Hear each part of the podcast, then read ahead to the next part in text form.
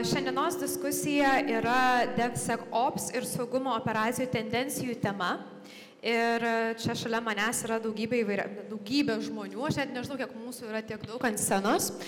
Pabandysiu kiekvieną asmenį pristatyti ir galėsime pradėti mūsų diskusiją. Taigi, tikriausiai neįlės tvarka visus kviesiu, bet šiandieną diskusijoje dalyvauja NRD Cyber Security direktorius Vilius Benetis.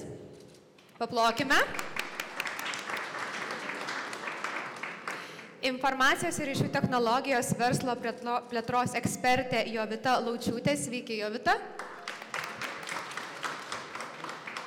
Viliaus ir Jovitos mes dar šiandieną nematėme, jie nebuvo mūsų pranešėjai, bet jie yra kvestiniai diskusijos svečiai. Taipogi jau matytas yra mūsų pranešėjas, krašto apsaugos ministerijos, kibernetinio saugumo ir IT politikos grupės vadovas Jonas Kartinskas. Sveiki dar kartą.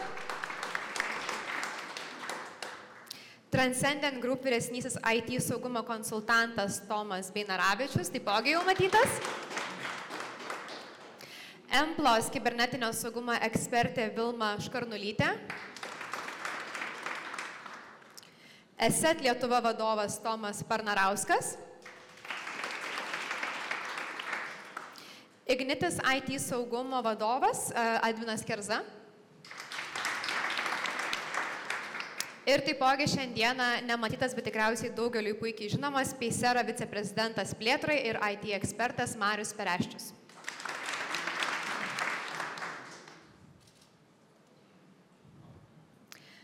Taigi, iš esmės, šiais pradėjome mes daugiau labai kalbėti apie IT saugumą, apie kibernetinį saugumą.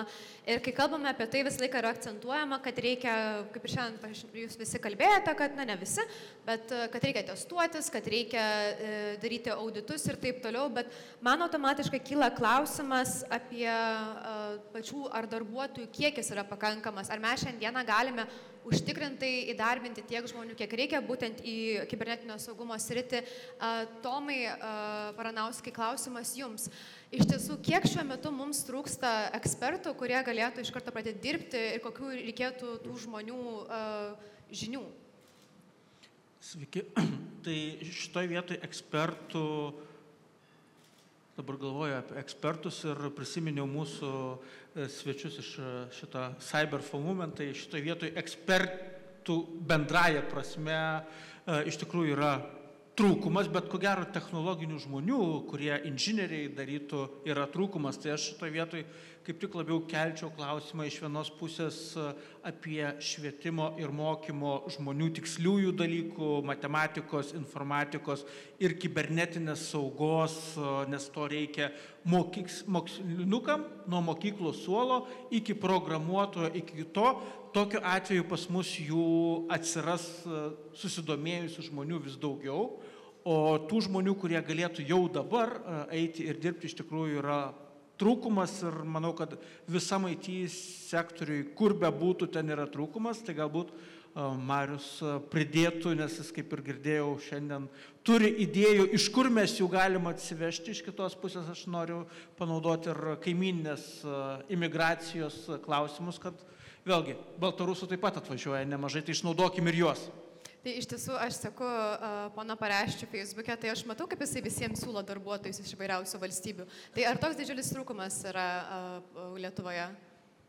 Na, Tomui, ko gero, aš biškai papanuočiau, Tomas mini, kad reikia mokinti moksleivius.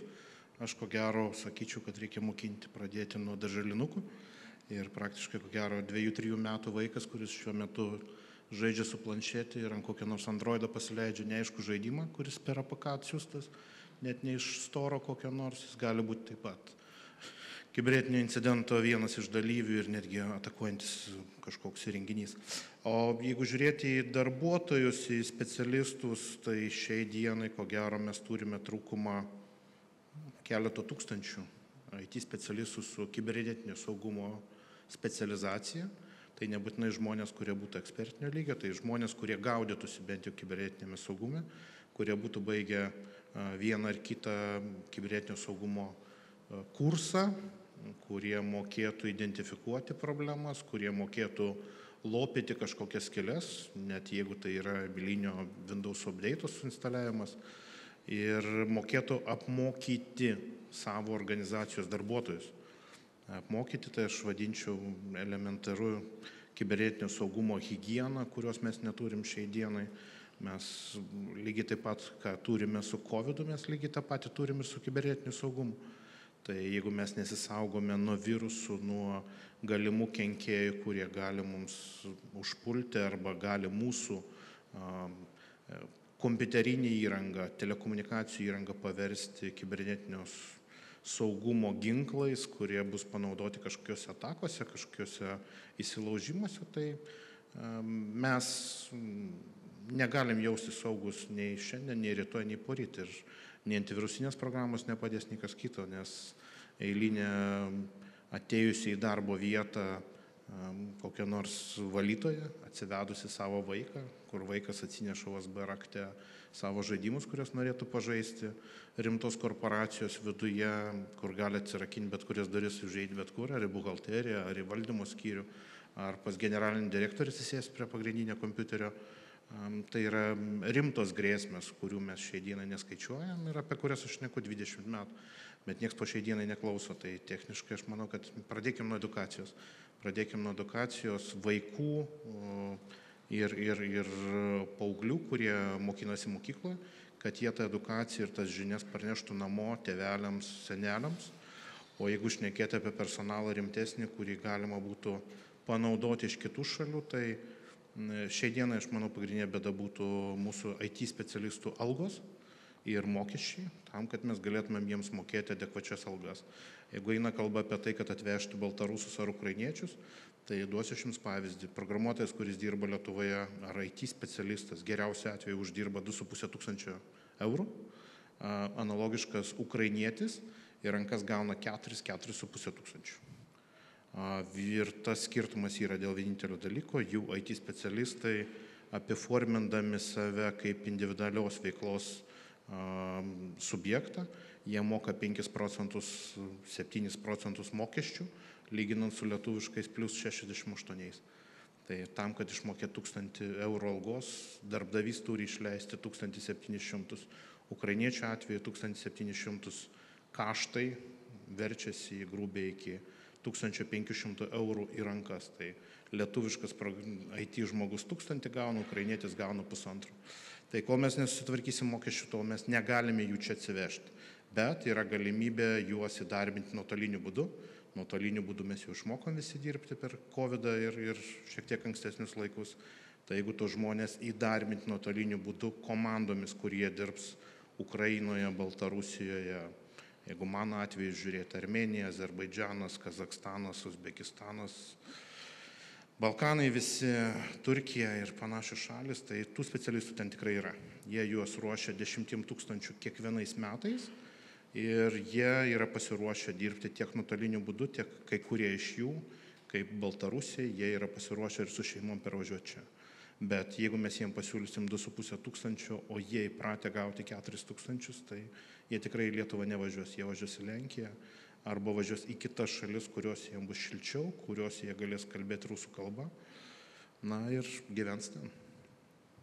Tai pakalbėjome apie koks maždaug galėtų būti ir net atlyginimo rėžius, ką, ką reikėtų pakoreguoti. E, bet panas Kerza, jeigu e, jums dabar reikėtų ar ne įdarbinti specialistus, e, tikriausiai ir turite savo komandą, kuriai vadovaujate, tai iš esmės, ko jūs ieškotumėte, kokio specialisto šiai dienai labiausiai reikia, kokios, pavyzdžiui, būtų trys pagrindinės kompetencijos? Tai geras klausimas. Turbūt paieška pas mus tokia nenutrūkstamas toks procesas vieni kolegos ateina, kiti išeina. Cyberio žmonės e, iš tikrųjų sudėtinga prisikviesti ne tik dėl atlyginimo, ne? visi nori gerų žaislų, nori gero kompanijos vardo, geros komandos, kolektyvo. Galvoju, kad čia mūsų kompanijos yra tokia vizitinė kortelė, ar ne? Mes tikrai e, galime pasiūlyti ir įdomią infrastruktūrą, ir gerą komandą, lankstų, lankstų darbo grafiką. Tas mums šiek tiek padeda. Mm, tai sakyčiau taip, e, kibernetikai būtų mm, numeris vienas, IT specialistai e, yra numeris du, nes e, rinkoje konkuruojame tiek su IT kompanijomis, nors turime ir savo atskirą padalinį, kuriame arti 160 žmonių dirba IT, bet, bet visi siūlo vis gražesnius žaislus ar ne, papildomų, kaip čia, paslaugų paketų ir dėl to konkuruojam nuolatos.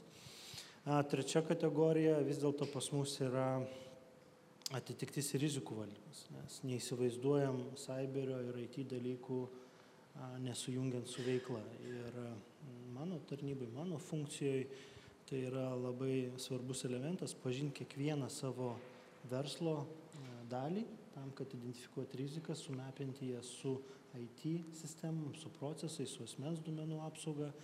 Ir sakyčiau kad vat čia irgi profesionalų rimtų specialistų rinkoje irgi nėra labai daug Pone Benete, e, irgi vat, panas Kreza užsiminė apie tai, kad yra ir žmonės nori įvairiausių žaislų, nori tikriausiai įdomesnių kažkokių produktų, su kuriais dirba, nori kažkokių kompensacijų. Pavyzdžiui, man teko asmeniškai girdėti, kaip viena įmonė Lietuvoje visiems savo IT specialistams pasiūlė skrydį oro balionų. Kiekvienas ten atskirai ir galėjo savo skraidyti. Na, aš nežinau, kur galima tiek daug visokiausių fainų pasiūlymų gauti, kai tau darbe neša vis dovanas, kad tu tik tai liktum.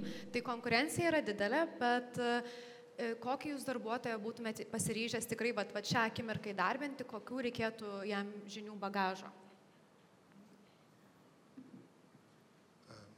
Sveiki, tai pirmiausia, turbūt, ką mes darom, tai dalis yra, ką matosi Lietuvoje, ką darom, tai stengiamės būti e, kokybiškas e, kibernetinio saugumo žinovas ir pagalbininkas bet e, dalis žmonių ir ypač kurių mes ieškom, tai yra tokie, kurie matytų mūsų desnę viziją, tai statyti kibernetinio saugumo centrus pasaulyje ir įtakoti, tarkim, 100 milijonų ar 200 milijonų valstybės ir ten pastatant kibernetinio saugumo centrą, toks koks yra NKSC, tai pavyzdys e, Lietuvoje. Ir tam e, reikia žmonių ir mylinčių tokį darbą, supratimą, kad kitam pasaulyje gale yra šiek tiek kitaip ir iš to norinčio pasimokyti ir suprasti ir pasistengti, kad tai įsigyvendintų, nes per 3-4 metus tokie projektai realizuojasi. O apie kompetencijas, bet čia ir vienas klausimas yra apie ekspertus, tai e, aš laikausi, aš, aš stengiuosi kreipdėmėsi į žodžius. Tai man ekspertas yra sinonimas 5 ar 10 tūkstančių valandų darbo. Nuo to patampame ekspertui, kažkuriai sryčiai skiriame to tiek dėmesio tada galime sakyti, kad įgavom tam tikras ekspertinės žinias. Kitas žodis yra naudojamas kompetencijos.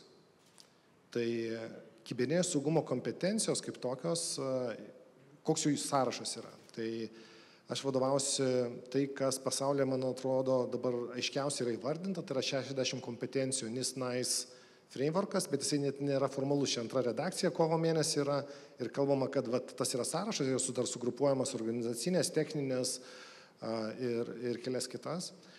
Sąjungos šiuo metu ir rezultatas bus gal tik tai po pusmečio, dėl to niekas iš jūsų apie tai nežinot, kad yra dirba iš anksčiau esančių dviejų tokių rolių kibernetiniam saugume, dabar išdirbinėja dešimt. Tai e, Enisos e, darbo grupėse tai vyksta, vienas lietuvis irgi ten dalyvauja, o tuo tarpu aš vakarais e, su kitais kolegomis iš pasaulio žiūrime, kokių kompetencijų reikia sokam, certam ir kaip incidentų reagavimas turėtų veikti. Irgi galvojame šiais metais gal išleisime modelį, kaip atrodyti turi rolių. Rolių bus aprašymas turbūt 30, ko reikia incidentų reagavimui. Ir klausimas, kodėl ne 10, kodėl ne 5, kad jas priimti ar kažkaip daryti. O, o mes laikomės darbo grupę ir čia savanoriai, tiesiog pasaulio ekspertai, kurios subėgame iš įvairių universitetų ir galvojame, kad ko pasauliui trūksta, tai būtino kompleksiškumo įvardinimo, kad reikia tam tikro detalumo, iš ko galėtum kiti žmonės kurtis. Nesakyt, kad yra pentesteris. Nu, pentesteris yra tik kažkokia abstrakcija, net nesuprasi, nes tų pentesterių, ko iš tikrųjų reikia, gal yra dar dešimt porušių ir ko, ko reikia. Arba rizikų specialisto ir gali tai reiškia įvairūs subtilūs dalykai. Ir kadangi mes nesam įsivardinę to, yra labai sudėtinga sakyti, kol, ko iš išsilavinusių ieškoti, pagal kokį kompetencijos modelį pasivertinti save kibernetiniam saugume. Iš kitos pusės, kadangi algos Lietuvoje kibernetinio saugumo specialistam didėja, tai visi, kas eina į tą sritį, nu, pasididina savo algą, sakyčiau. A, tai tiek gal šiek tiek nukrypau nuo klausimo, bet na, imčiau tuos, kuriam rūpi mūsų vizija. Tai iš tiesų tie, kurie liktų ilgam ir nelakstytų ir kurie yra ilgam nusiteikę dirbti šioje srityje. Taip ir kurie dega norų, dega norų suprasti, kas yra kibinės saugumas ir suprasti, kad, kad tai yra kompleksiška, bet, bet labai labai įdomu. Pone Škarnulyte, kai jūs kalbėjote, vienas iš klausimų, kurio aš jums neuždaviau, buvo apie tai, kaip įtikinti savo vadovą, kad, kad būtinas yra auditas arba kad reikia mokymų. Tai iš esmės jūs apie tai kalbėjote, bet kaip dar kartą, kai tu nesi pats vadovas, o kai tu įmonėje esi narys ir tu matai tą situaciją, kaip tau reikėtų įtikinti vadovybę, kad vis dėlto žiūrėkit, mums reikia mokymų, mums reikia audito, mums reikia kažką keisti. Čia toks labai sudėtingas klausimas, nes tų vadovų yra labai įvairių. Iš tikrųjų, tas vadovas, kuris turi atsakingą verslą arba labai rimtai žiūri į savo karjerą ir žino, kad jam dar reikės dirbti ne vienus, ne du, ne tris metus ir jisai statosi savo reputaciją, tai jie vis tiek, kaip ten bebūtų, stebi įstatymus, supranta savo rizikas ir kibernetinis saugumas yra lygiai taip pat, kaip ir mes atsakingi kaip vadovai už, ir už darbuotojų sveikatę, ir už darbo planavimą, ir už visus kitus dalykus, ar ne? Tai kibernetinis saugumas yra lygiai tokia pati atsakomybė. Tai iš tikrųjų dalis vadovų yra tokių, kurie jau suvokia ir nesiginčia, kad jiems to reikia, tik tai nežino pirmų žingsnių, nuo ko pradėti. Kas yra svarbiau, ar ne? Nes visi pradeda apie tai kalbą ir tada viskas nukrypsta į kažkokius, kad gal reikia čia geresnių techninių priemonių, ar ne? Tai to e, dabar labai džiugu, kad yra daug iš viso diskusijų ir daug vaikšto informacijos ir galima šiek tiek kitaip pasižiūrėti. Yra tokių stagnateriškų vadovų, kurie e, užmerkia akis ir ignoruoja absoliučiai, e, kad egzistuoja ar ne kažkokios kibernetinės grėsmės.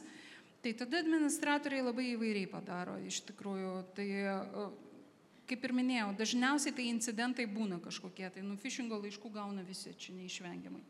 Tai labai dažnai administratoriai uh, tada paima nedidelę dalį ten, pavyzdžiui, mokyti darbuotojus apie phishingą. Čia paskutiniu metu yra pakankamai populiari tokia paslauga. Tai jau yra pirmas žingsnelis, ar ne? Nes e, yra du sprendimo būdai. Viena dalis yra techninė, tai yra darytis gerą techninę bazę, kuri šimtaprocentinai tavęs neapsaugo. Kita pusė yra investuoti į darbuotojų mokymus ir daryti tą žmogiškai ugnesenę, žmogiškai firewall, ar ne? Tai vėlgi tam tikrais tokiais žingsneliais. Jeigu vadovas yra toks, kuris viską ignoruoja, nu, tai turbūt, kad reikia palaukti, kol jisai turės kažkokių tai didesnių pasiekmių, nes pasiekmių turi visi. E, kaip taisyklė, kai mes pradedam kalbėti apie kažkokius, ką mes galim pasiūlyti, kas yra auditai ir taip toliau, tai mano statistika yra tokia, kad ta pati kompanija skambina po trijų arba po šešių mėnesių jau su konkrečia problema ir mes tada gesinam gaisrą. Tai laiko klausimus turbūt. Tai nu, mes kito žmogaus mąstymo nepakeisim, jeigu jis bus labai labai užsispyręs, tai turbūt, kad taip ir liks kažkuriam laikui, bet mažai žingsneliais visi po trupučiuką pradeda judėti priekį, nes rinka pati keičiasi ir tu neturi kaip išvengti to klausimo. Dėkui, panašus klausimas būtų uh, ponai Parnarauskui, kad mes iš tiesų, uh, bet ir yra skatinama uh, vertinti visokias pažeidžiamumus įmonės ir taip toliau.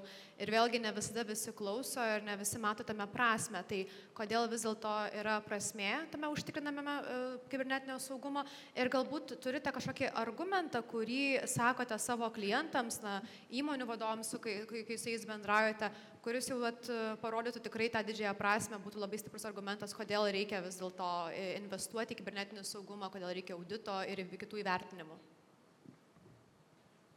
E, ko gero, kaip ir e, Vilma sako, kol plikas į dilginės neįbėgsi, tol nesuprasi, kaip tenais yra smagu. Tai šitoje vietoje mūsų geriausi argumentai, ko gero būna, kartais aš irgi mėgstu iš tų tokių challengerių, e, tiesiog kalbant su įmonės arba, okei, okay, padarom testą.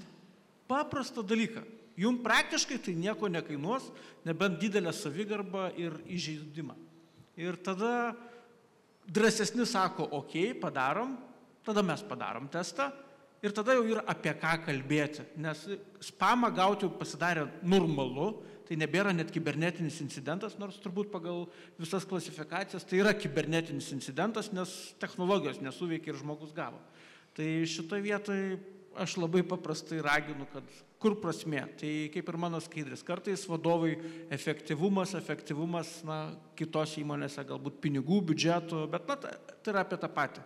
Kur sutaupyti pinigų, kur neduoti. O apie veiklos testinumą tada labai toks irgi perfrazavimas labai kartais padeda kolegom e, šiandien sakiau, kad labai mėgstu perfrazavimus, tiesiog, na, kai kalbi apie vieną dalyką, po to iš kito kampo paklausi ir žmogus galvoja, o, tai vėlgi su Edvinu e, vienoje vietoje susitikom ir taip sakom, nu, kur susitinkam, na, tai aš įpratęs taip kofein, nu, turbūt teko girdėti, čia ne reklama, vienos kavinės Edvino sako, ne, skaityk kaip parašyta, nuskaitau kofein, nu, ta prasme, kaip kitaip. Nu, Edvinas e, perskaitė, kad tai yra kafeinė. Nu, ir po to pradėjau skaityti, kad ten, nu, iš tikrųjų kafeinė. Tai manau, kad tokie vat, perfrazavimai ir kitokie dalykai yra, nu, vat, kas padeda žmonėm pradėti galvoti kitaip ir matyti daiktus iš kitos pusės. E, aš žinau, kad Tomas Binaravičius yra pasiemęs mikrofoną. Ar norite kažką pridėti, pridurti? Net, net nežinau, ta prasme, man kažkaip pasirodė, kad paskutinė frazė viską pasakė. Kartais perfrazavimai labai padeda padeda suprasti apie, iš kitos pusės pažiūrėti į situaciją. Ir taipogi, Tomai, turėčiau irgi tą patį dar klausimą pratęsti. Jūs labai užsimėte įdomiai apie tai, kad vyksta testavimai.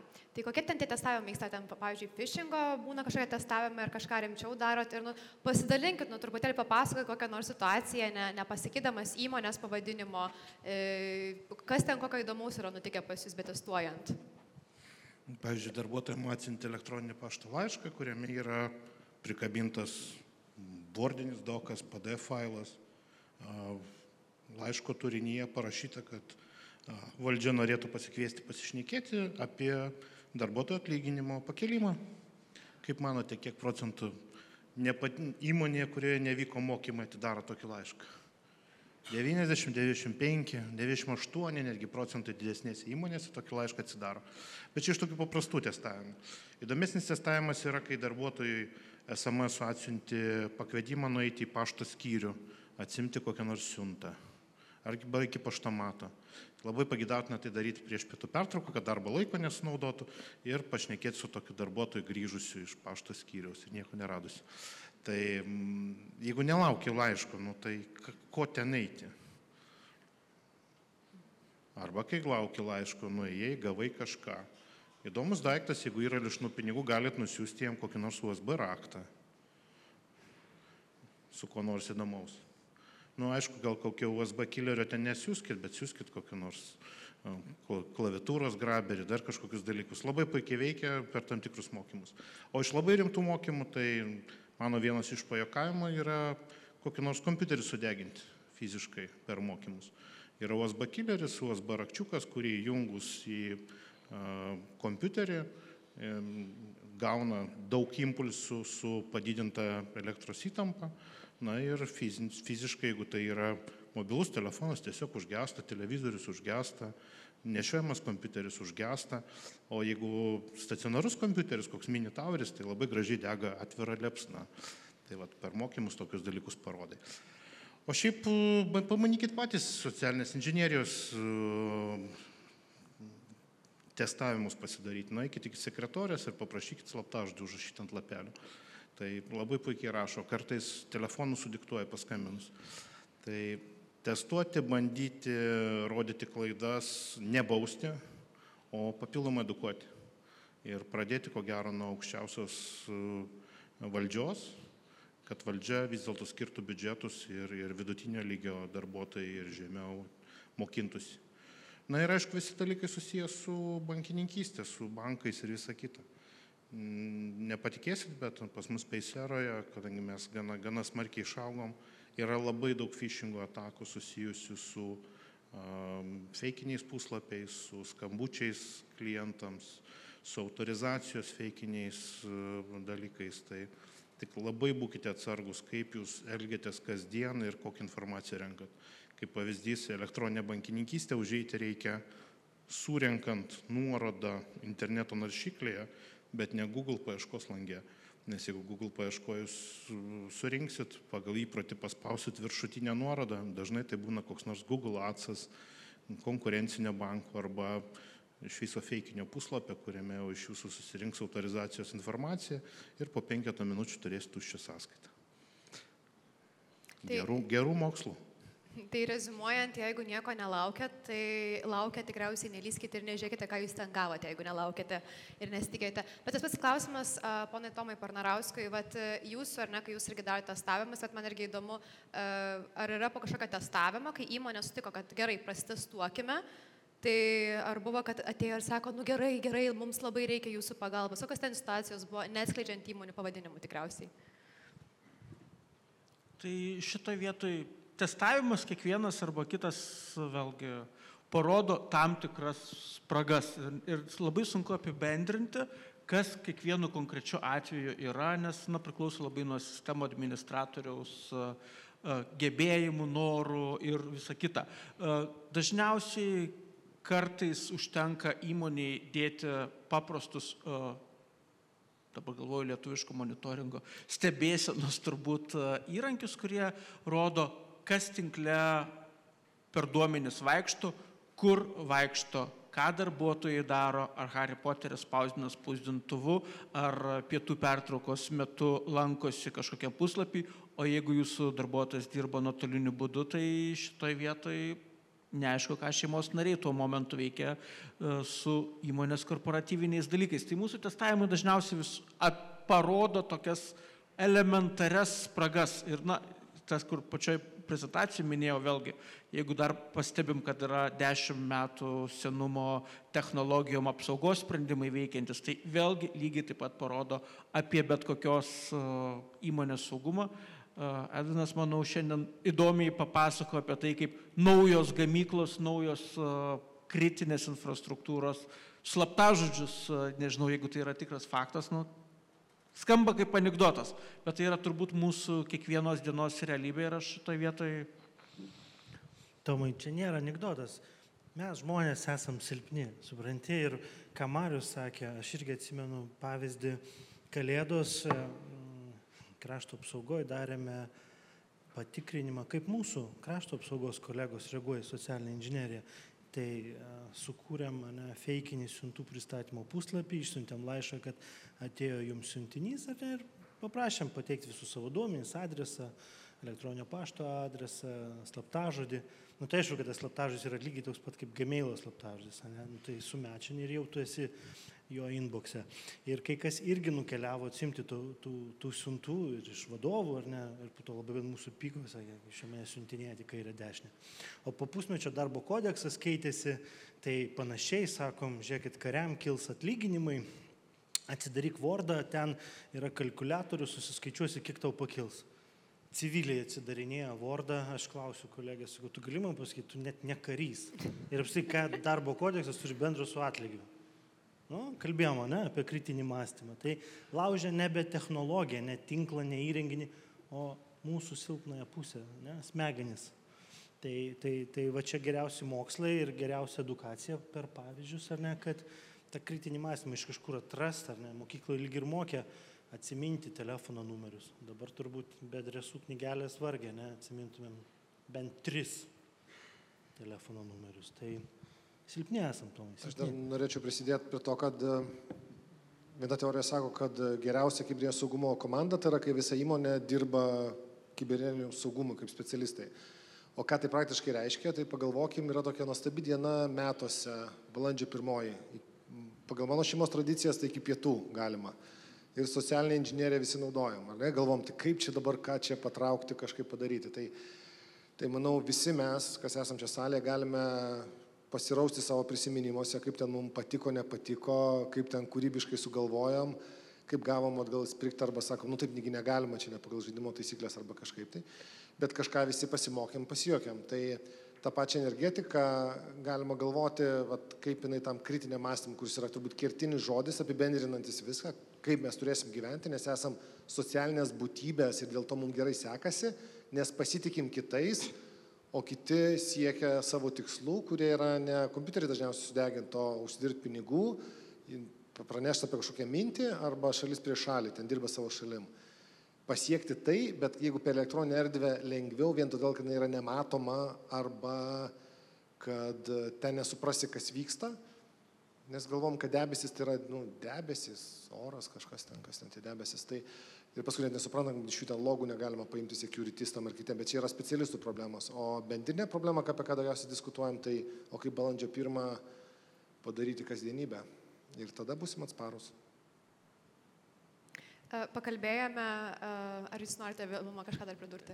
Taip, nes Lietuvą, atsiprašau, Jovita. 19 metų praleidau energetikai, man labai įdomu pasišnekėti apie energetiką, gal prisidėsiu prie Edvino ir Viliaus ir tuo pačiu, kaip matau iš perspektyvos laiko, tai vis dėlto negalim sakyti tikrai, kad blogai, nes labai daug kas pagerėjo. Nes prisipažinsiu tą progą, prieš 15 metų buvo toks atvejis, kad nu, aš derinau pastotės čia Vilniui ir aš turėjau netgi raktą nuo pastotės ir galėjau ateiti ir, ir bet ką pakeisti. ir, ir, ir, ir penktadienį, kai buvo sulūžęs kompiuteris, atsivežiau iš namų savo ir, ir perinstaliau plokštės, nes nu, reikėjo padaryti, kad sistema veiktų. Tai tas programuotojo mąstymas, kad išspręsti problemą nepaisant jokių ten kažkokių tai saugumo reikalavimai, tada buvo tiesiog tas trūkdis, kuris nu, mums trukdė dirbti. Bet, bet, tai, bet tai saugumo taip. reikalavimai, kas tada buvo? Laidelio reikėjo, ko gero, RS2. Nu, buvo kažkokie saugumiečiai, aš jų iš tikrųjų ir nepažinojau. bet, bet, bet laiko paskui, paskui atėjo kažkur prieš kokius 10-7 metus, kai jau važinėdavau į į rytų šalis ir, ir, ir sakydavau tokius argumentus, nu, mūsų RTU jau palaiko enkryptintą protokolų ryšį, mūsų RTU jau gali duoti saugumo logus, yra palaikomi saugumo standartai. Inžinieriai man taip pat sakydavo, nu, žinai, čia iš tikrųjų ne mūsų reikalas, čia yra tas IT skyrius. IT skyrius sakydavo, nu, bet mes turim uždarą tinklą ir čia mūsų visus apsaugo. tai va tas Ir čia sustodavo visi argumentai. Bet, bet tada atėjo 15 metų Ukrainos e, lūžis, tas, kai rusų hakeriai įsilaužė į tinklą ir tada pasirodė, kad nu, tas, tas tinklas ir nebuvo visai uždarytas. Paskui nagrinėjom vat, visus logus RTU ir ten matėm, kad gerokai prieš įsilaužimą jau buvo, buvo tie atvejai matomi ir, ir tada kažkaip jau nuo to laiko niekam nebekilo abejonių dėl kam reikalingas tas sokas energetikai, kam, ta prasme, ir, ir, ir, ir, ir tie procesai, ir žmonės, ir, ir technologijos. Nu, jeigu jisai tuo metu būtų buvęs, tai to įsilaužimo ir nebūtų buvę. Ir, ir kaip pasakoju paskui visiems kitiems ir, ir Azijoje, ir Afrikoje, Tai nereikia daugiau argumentų, kam, kam viso šito reikia. Tai aš noriu ką pasakyti, kad nu, tikrai situacija šiai dienai Lietuvoje nu, pakankamai tikrai gera ir mano širdis džiaugiasi, kai Edvinas pasakoja apie, apie šitas problemas. Tai ponia Ivita, mes jau pakalbėjom, aš jums sekantį klausimą užduosiu, pakalbėjom apie testavimą, apie, kad situacija šiandieną yra šiek tiek geresnė negu prieš tai jinai buvo, bet apskritai kas yra atsakingas tuomet įmonėje, organizacijoje už kibernetinio saugumo užtikrinimą? Kam ta, kieno tai turėtų būti prerogatyva?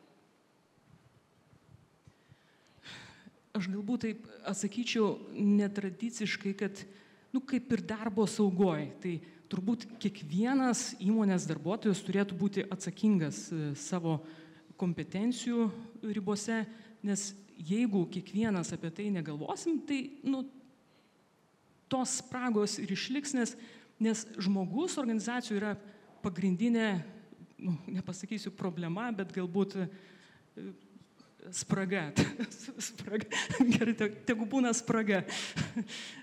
Bet lyderystė tai vis tik, sakyčiau, turėtų ateiti iš įmonės vadovų, iš aukščiausios grandies vadovų, nes jeigu, jeigu saugumas neatsiras šalia žodžio skaitmenizacija įmonės strateginiuose tiksluose, tai nenusileis į biudžetus ir tai tada turėsim transformacijos projektus kažkokius skaitmenizacijos, bet, bet tiksluose nu, tas saugumas kažkur tai taip prioritetė nusileis žemyn, kad nu, tiesiog nespėsime apie tai pagalvoti. Ir, ir, ir tą vat, tą vat kažkokį etapą tokį aš matau gal, galbūt versle, kurie įmonės dėgančios verslo valdymo sistemas šiuo metu dar apie tai galbūt nepakankamai pagalvoja ir, ir galvoju, vat, kas turėtų įvykti, kad apie tai pradėtų galvoti. Jeigu kas nors nori pakomentuoti, prašom tiesiog. Aš, aš, aš iš tikrųjų tai vėlgi, kalbant apie tai, kas atsakingas, nu tai čia turbūt susiveda į tą patį klausimą, kas atsakingas už gaisro gesinimo įmonėje. Tai, tai turbūt, kad visi atsakingi ir, ir savo, savo jėgom, jeigu neturite savo jėgų pakankamai ir gaisras ant pakankamai smarkiai įsiplėskė, nu, tai tada gaisrinė komanda atvažiuoja. Bet uh, pirmas dalykas - pastebėti, aptikti, su, sureaguoti, pirma reakcija visada yra iš, iš visų darbuotojų. Ir labai didelė klaida yra, kai E, įmonėse, ypač didesnėse įmonėse, e, atsiranda tas skirtis, čia yra va, tie saugumiečiai ir jie kažką tai daro. Ir čia ne mano reikalas. E, jie čia mumis pasirūpins. Tai nepasirūpins iš tikrųjų, nes jeigu kalbant tais vat, karo terminais, yra mėlynosios komandos, kurios, nu, iš tikrųjų ginasi. Ta mėlynoji komanda tai nėra sokas, tai yra organizacijos bent jau nu, gera dalis ir, ir, ir stiprioji dalis, kurie sugeba apginti organizaciją nuo, nuo įsilaužimo. Taip, ta prasme, gali būti, kad specializuotas žinias verta koncentruoti vienoje vietoje. Tas yra teisybė. Taip, accountability, tas atsakomybė už kibernetinę saugą yra pas įmonės valdybą, pradėkime nuo to. O visa kita, ta prasme, turi būti visos įmonės atsakomybė. Ir aš. Aš dar norėčiau tokį trumpą komentarą. Vienas dalykas, kurį dažnai pamirštam, kad kalbant apie bendrai kibernetinį saugumą, pamirštam skaitmeninio turto savoką. Labai dažnai įmonėse galbūt nėra perteikiamas pilna apimtim tas jausmas ir valstybiniam sektoriui taip pat, kad tai, ką kuria žmonės, yra skaitmeninis turtas. Pačio turto formos keitimasis iš fizinio į skaitmeninį vis dar tebe vyksta. Ir jeigu žmonės supranta, kaip ir kada saugot fizinį turtą, tai jeigu jie nesupranta pilna apimtim skaitmeninio turto vertės, tai jeigu tu nemanai, kad tai vertinga, tu to ir nesaugosi. Ir čia atsiranda iš tiesų problema, kada ir darbuotojai sako, tai aš nieko čia vertingo nedarau, aš čia kažką rašau, čia, čia nėra, bet skaitmeninis turtas yra de facto realybė. Pavyzdys galim pažiūrėti, kaip tai keičiasi mūsų gyvenime netgi privačiam dar turbūt iš mūsų kas nors ir nuotraukų turi ir gal ir saugo kažkokias ir skaitmeninės nuotraukas. Pažiūrėkit į vaikus. Ne, nėra jiems čia didelė vertybė kažką saugoti skaitmeninė erdvė, nes viskas yra, viskas yra, viskas kažkur kūriama, Instagramai, visku, viskas yra. Tai yra duotybė, kaip ir duotybė. Tiesiog. Taip, taip, tai yra kažkoks bendra, bendras turtas ir kai tu sakai, tai reikia saugoti, tu, tu nulaužė pašto, kas ten buvo? Nieko. Bet jei nulaužtų žaidimų paskirą su, reiškia, ginklų skinais, ojojoj, kokia, tai, kokia yra vertybė. Ir jau jisai labai susirūpintų. Taip kad tas transformacija į skaitmeninį vertybę tikrai labai įtakoja ir tai, kaip darbuotojai saugo, saugo ją ir kaip jie su ją, nu, kokį santykius jie turi. Tai čia realiai yra suvokimo klausimas. Ar tu suvoki tai, su kuo tu dirbi, kas pas tavai yra, ar kad tai yra svarbu. Jeigu tu nevertini ir nelaikai, ai čia neįdomu. Tai ir nesaugai, yra teisingai, taip ir būtų. Uh, taip, dar vienas klausimas būtų Tomai Beinaravičiai. Tai e, yra įdomu įsiaiškinti, uh, kokios yra tos DevSec rolių integracijos na, svarba uh, būtent saugumo operacijų centro veikloje kadangi tai yra viena iš mūsų temų šiandieną, tai vat, įdomu, kokia čia yra ta svarba. Turbūt, aš man ten, DevSecOpsai apskritai, um, Security Operation centrai um, turi tokią, turi tokią bėdą, kad uh, jie lygtais linkia būti kažkoks tai atskiras padalinys organizacijos, ką sako DexFops ideologija, kad saugumas turi būti paskirstytas per, per visą organizaciją. Tai yra tam būdų, kaip, kaip, kaip, kaip, kaip, kaip juos suintegruoti, bet Aš nežinau, ar, ar, ar vienas būdas yra tinkamas visom organizacijom. Turbūt kiekviena organizacija turėtų, turėtų truputėlį pasirinkti, kas jie yra svarbu. Ar jie yra svarbu greitai judėti, greitai pristatyti produktą savo klientam, ar jiem svarbu yra apsaugoti savo kritinę infrastruktūrą, ar bando jie balansuoti kažkur tai tarpe tarp, tarptų, tai turbūt nuo to labai priklauso, ar mes norime turėti bendrą kažkokį procesą, kuris integruoja developmentą, security ir operations į, į vieną, ar mes norime atskirti soką ir turėti tai kaip atskirą padalinį, o galbūt kažkoks tai tarpinis variantas yra įmanomas. E, pone Skardinskai, Ponas Kerzakai kalbėjo, jis pasakojo tokia apie įdomias situacijas, apie Kauno vandenų e, įvykį ir taip toliau. Ir tada iš karto kyla susirūpinimas, kokia yra situacija viešajame sektorėje su kibernetiniu saugumu ir mūsų duomenų saugojimu, ta visa situacija. Nes yra tekę matyti jau tokių liūdnų savivaldybių puslapių. Jau tie puslapiai tokie liūdni, jau ten tikrai ne, negerai. Tai ko, kaip vertintumėte jūs, kaip viešojo sektoriaus atstovas, dabartinę tą situaciją tenai? Čia labai supaprastintai nemanau, kad galima atsakyti. Vėlgi, jeigu žiūrėti į savivaldybių puslapius, tai sakyčiau, tai yra atspindys to, ką prieš tai sakiau. Tai yra, jeigu mer, meras taip mato savo skaitmeninį turtą, nu, tai jis taip ir saugo. Jeigu jam nesvarbu, kad kažkas gali įsilaužti ir bet kokią naujieną paskelbti jo puslapį, kuri po to bus pertransliuojama per, žinia, per žiniasklaidą ir bus skelbiama, kad to ir toje savivaldybėje buvo skelbiama melagiena, tai labai sunku kažką pakomentuoti, nes, nu, ta prasme, čia yra tikrai jau mero suvokimo ir reputacinės rizikos suvokimo.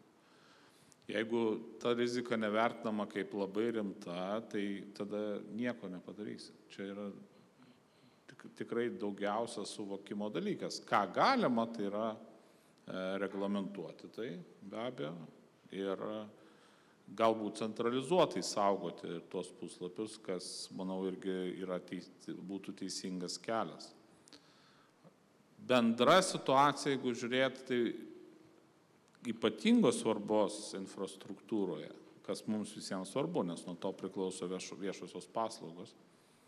Tai manau, kad jinai yra sparčiai gerėjant ir to supratimo ar ekspertizės yra daugiau. Vadovų suvokimas tikrai pakankamai sparčiai gerėja. Bet aišku, ir visada bus tų tuo atveju, kai bus linksniuojami registrų centras ir, taip, ir, ir kitos, kiti atvejai, bet čia irgi reikia būti sąžiningiam. Jeigu neskiriamas pakankamas finansavimas, tai negali kelti ant registrų centro ir sakyti, kad mes būtumėm padarę geriau, nes reikia pasakyti, mes būtumėm padarę geriau su tais pačiais pinigais, greičiausiai ne visai. Tai, kad valstybė gal neskiria pakankamai pinigų, tai čia, čia, čia jau kitas klausimas. Bet aš sakyčiau, kad tikrai bendra kibernetinio saugumo situacija šiandien e, ne, neįvardinčiau jos kaip, kaip e, labai blogos. Dėl svetainių dar kartą tiesiog grįždamas, tai tikrai čia yra didelė problema, kurią artimiausiu metu bandysim spręsti nes e, ir NKS duomenys rodo, kad labai daug nesaugių svetainių ir čia jau ką piliečiai tiesiogiai patiria. Tai yra, jie ateina į tą svetainę, ten užkrečiami jų kompiuteriai, sukčiaujama, paimami duomenys. Ir iš tiesų kažkokio mechanizmo, kad tas nesaugias svetainės būtų galima užblokuoti, tikrai reikia. Nėra paprastai padaroma, kaip suprantat, nes tai priklauso kažkam kitam, reikia įrodymų, reikia mechanizmo, bet čia nebijotinai mes tą, tą klausimą tikrai turėsim išspręsti. Bet Jonai, aš turiu klausimą. O ar ne, nerodo tas mūsų užkrėstų svetainių skaičius ir didelis užkrėstų svetainių skaičius apskritai požiūrį į informacinę saugą, kad nu į kažkur tai ten tikrai žemai prioritėtų sąraše? Aš manau, kad rodo, bet vėl tas klausimas, kad kai kada kibernetinio saugumo specialistai ir nedaneša iki vadovų to žinios. Kodėl, kodėl tai svarbu? Aš, pavyzdžiui, gana skeptiškai žiūriu gazdinimo taktikas, ar ne, kad ten, nu, viską galima nulaužti. Aišku, kad viską galima nulaužti. Aišku, kad jeigu esi taikinys, greičiausiai tave nulauž. Čia kaip ir su fiziniu turtu. Jeigu būtas ar namas yra taikinys, greičiausiai kažkas anksčiau ir vėliau tą tokio tikslo pasieks. Bet čia toks gan paprastas tada metodas gaunasi, kad tu pagazdini, tą momentą gal kažkas išsigasta, kažkokias priemonės imasi, bet ilgalaikių priemonių trūkumas. Čia yra didžiausia problema, kad suprast, kad visi verslo modeliai šiandien remiasi duomenų, duomenimis ir jų saugumu.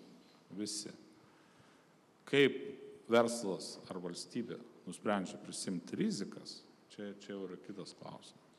Ir kai kada vadovai nusprendžia, kad nieko neatsitiks.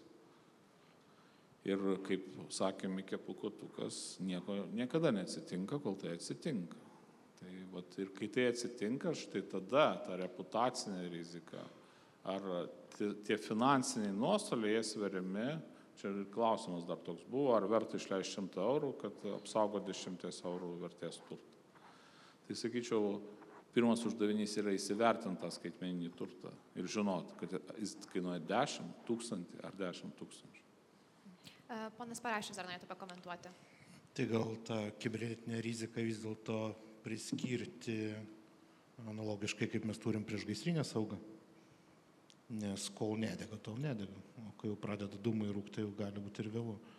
Tai vis dėlto gal reiktų paskirti ir kibernetiniai saugai analogiškas um, valstybės lėšas, analogiškus valstybės um, poįstatyminius aktus sukoreguoti, kad aukščiausio lygio vadovas būtų asmeniškai atsakingas, ar jeigu nėra paskirtas kitas darbuotojas, Jeigu už priešgaisrinę saugą ir žurnaluose pasirašinėja darbuotojai ir visa kita, tai gal su kibernetinė taip pat padarytumėm. Nes kai kuriais atvejais kibernetinė sauga gal net ir gali tapti ir gyvybių prarastų a, problema, kaip ir su, su, su keltų gaisrų neužgesintų laiku.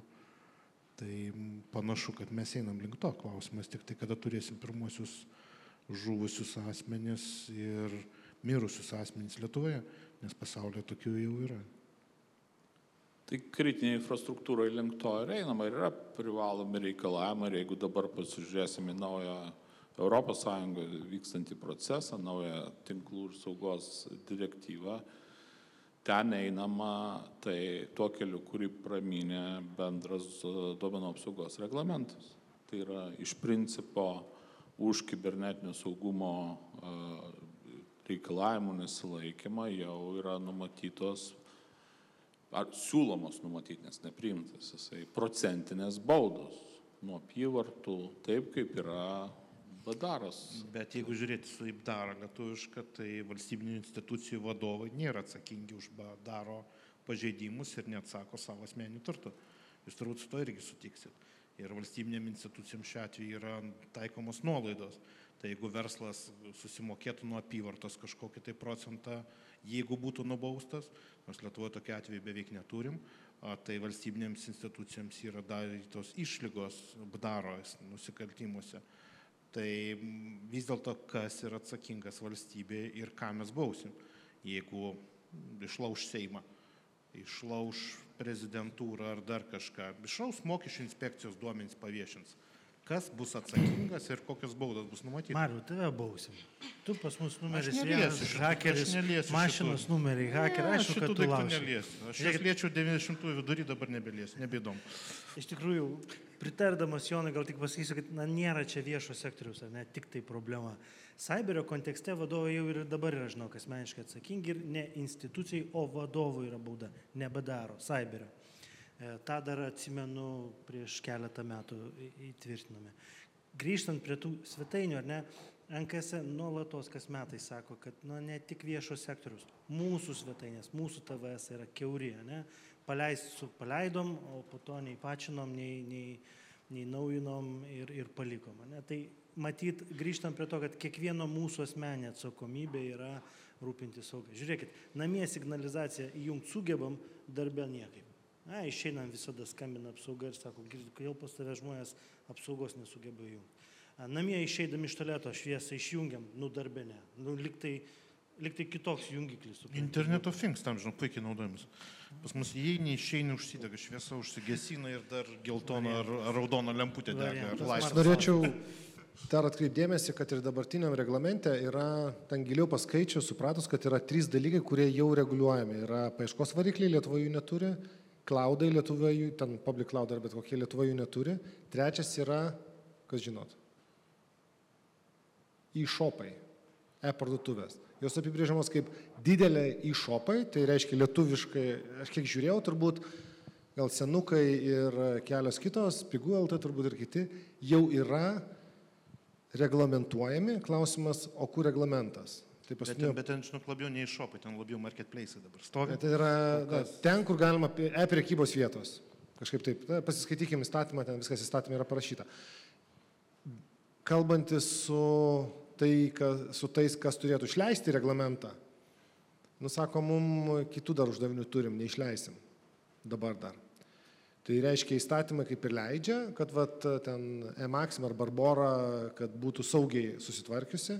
Dabar Lietuva dar neapsisprendusi tai išleisti. Ir gal gerai, o gal blogai, nežinau, aš nuomonės neturiu dėl to, bet tie mechanizmai, taip sistemiškai žiūrint, jie veikia, nes vėliau bus dar ir kiti dalykai, dar kiti.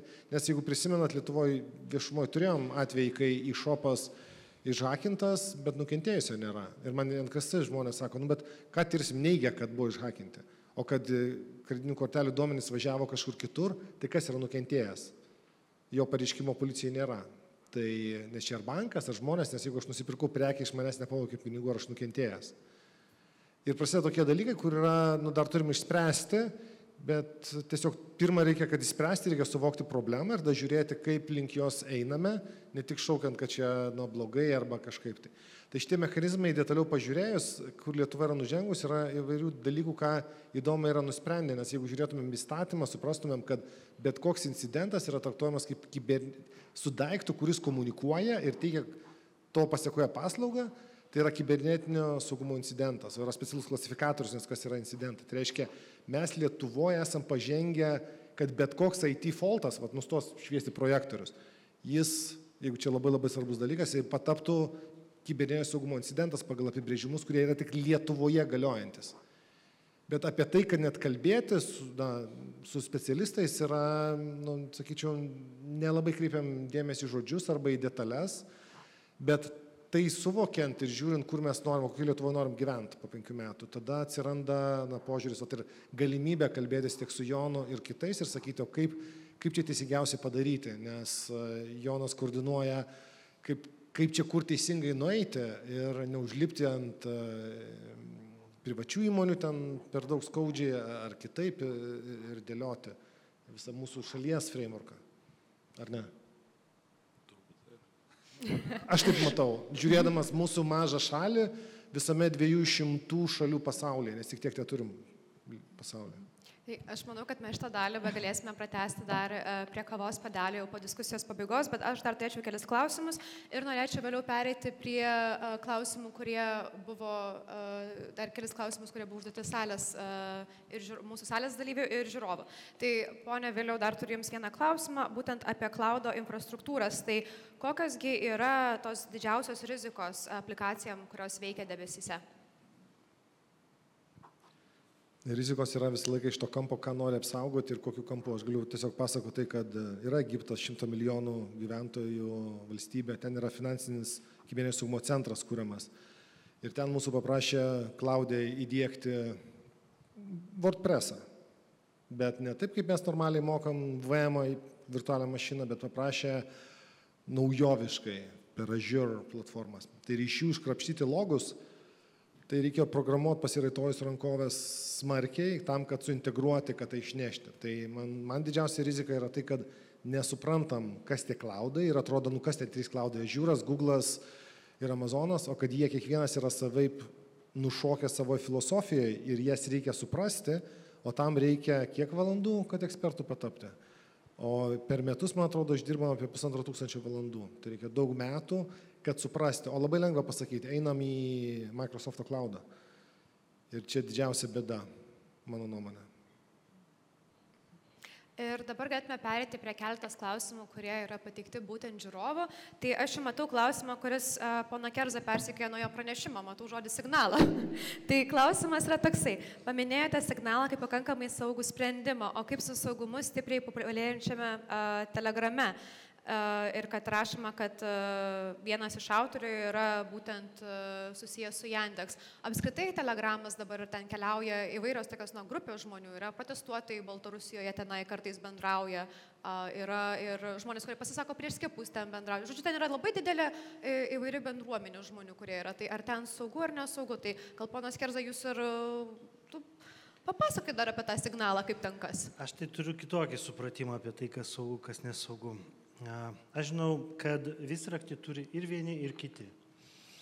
Aš taip pat žinau, kad Junktinės Amerikos valstijos niekada nesiekė ir nesiekė Lietuvos okupuoti, skriausti, tremti, žudyti, priešinti ir kitaip daryti. Ne? Tuo tarpu mūsų kaimynai iš rytų, na, jie hobi tokį turi, daugiau nieko neveikia, tik tai kursto pasaulyje įvairius karinius ir kitokius konfliktus, pila toliau žybalą ar net smaginasi matydami, kaip e, mes ateidami į gimtadienį ar į kitą šventę susiplakam, ar turim pasą ar neturim, jiems čia smagu, jiems patinka.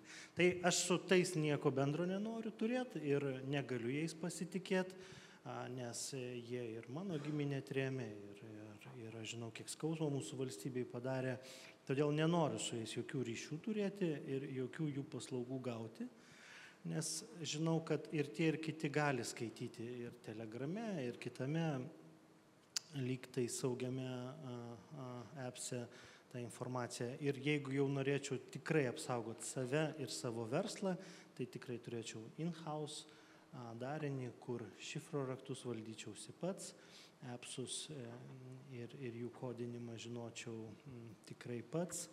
Ir e, jeigu kalbėtume apie valstybės paslaptis, apskritai yra akredituoti produktai, kurie laboratorijose yra detaliai ištyriami ir tik tai gavę sertifikatą gali būti panaudoti, pavyzdžiui, valstybių, NATO ir ES paslapčių apdorojimui. Jūs užsiminėte apie valstybės paslaptis ir e, čia ne tik jums klausimas adresuotas, bet apskritai matau vieną iš klausimų, kurį žmonės išeitingavo ir aš bijau, kad aš užduosiu tą klausimą ir atsivers tam tikrą Pandoros skrinę. Uh, tai iš esmės gal labai labai trumpai, gal kas nors sutiktų pa, pagalvoti, kaipgi hakeriai galėjo gauti užsienio, uh, užsienio reikalų ministerijos tos laiškus. Nes čia labai yra sudėtingas klausimas, suprantu, kad mes negalime labai daug plėstis. Uh, bet, uh, Jis nėra mat... visai sudėtingas klausimas, Marius, tu nu, pasakys, gerai, būdus, uh, kaip galima tą padaryti. Na, ryšim su to, kad mes matom, kad jie turi uh, Microsoft Exchange rezervinės kopijos failus, tai viskas aišku. Arba tiesiai iš serverio pasiimi, kuris buvo keuras, arba pasiimi iš tos vietos, kur jie buvo paguldyti.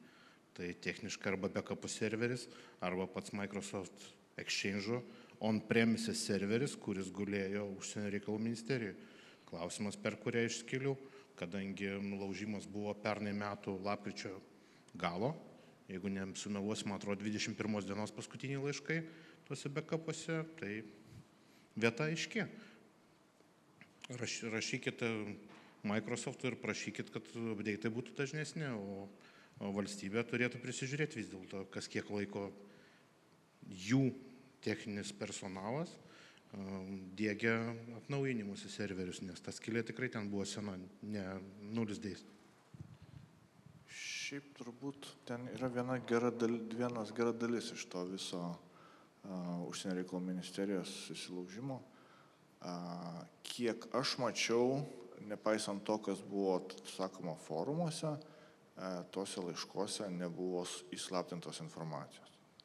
Ten galbūt buvo kas nors iš riboto naudojimo, bet nebuvo nieko nei slaptai, nei visiškai slaptai. Tai iš tos pusės tas reiškia, kad kontrolės priemonės veikia. Ir aš manau, kad tai yra geras ženklas. Dėkui, dar vienas klausimas. Iš aš paminėsiu, aš tikėjausi Pandoros skrinios, nieko čia nenutiko, viskas yra labai gerai. Judame toliau. Dar vienas klausimas yra, kokiamis priemonėmis reikėtų mažinti rizikas, kurios kyla, kai įmonėje yra taikoma politika, kad galite atsinešti savo įrenginį į įmonę.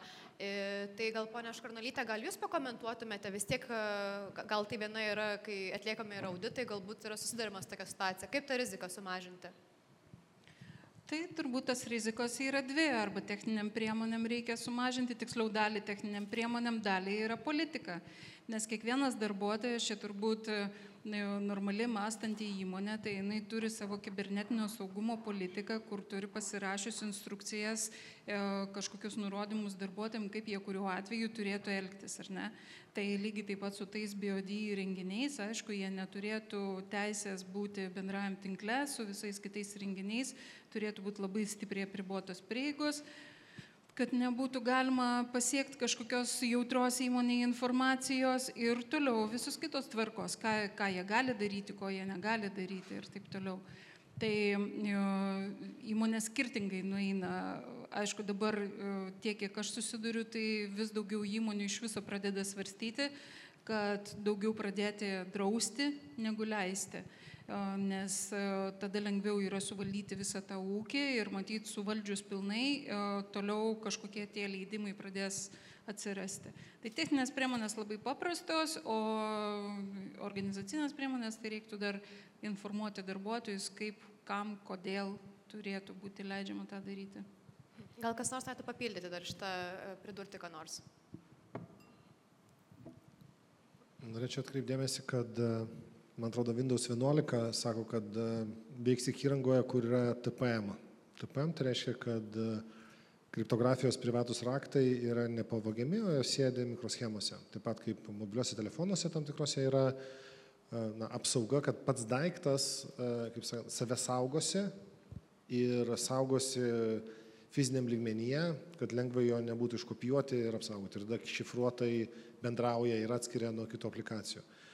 Tai į tai reikia atkreipti dėmesį galvojant, o kaip ateitis atrodys, nes e, kol suplanuosim, ką čia darysim su to, šitą problemą, tai ateis ir nuo suprasės sistemos ir kiti uždaviniai. Tai pasigilinti, kaip praktiškai, kaip tas įrenginys pats save saugo nuo kitų, nesvarbu, kuriam tinklo segmente yra ir kur mano skaitminis turtas sėdė ir e, kurioj saugumo zonos pusėje, tai padeda na, realistiškiau pažiūrėti problemą, ar jinai tokia yra, ar nėra, ar, nes čia kaip šiandien Tomas irgi užsiminė, kad e, jeigu normalioje įmonėje, tai gal na, tie renginiai apsisaugos ir nuo Wi-Fi'aus kažkokio tai kreivo.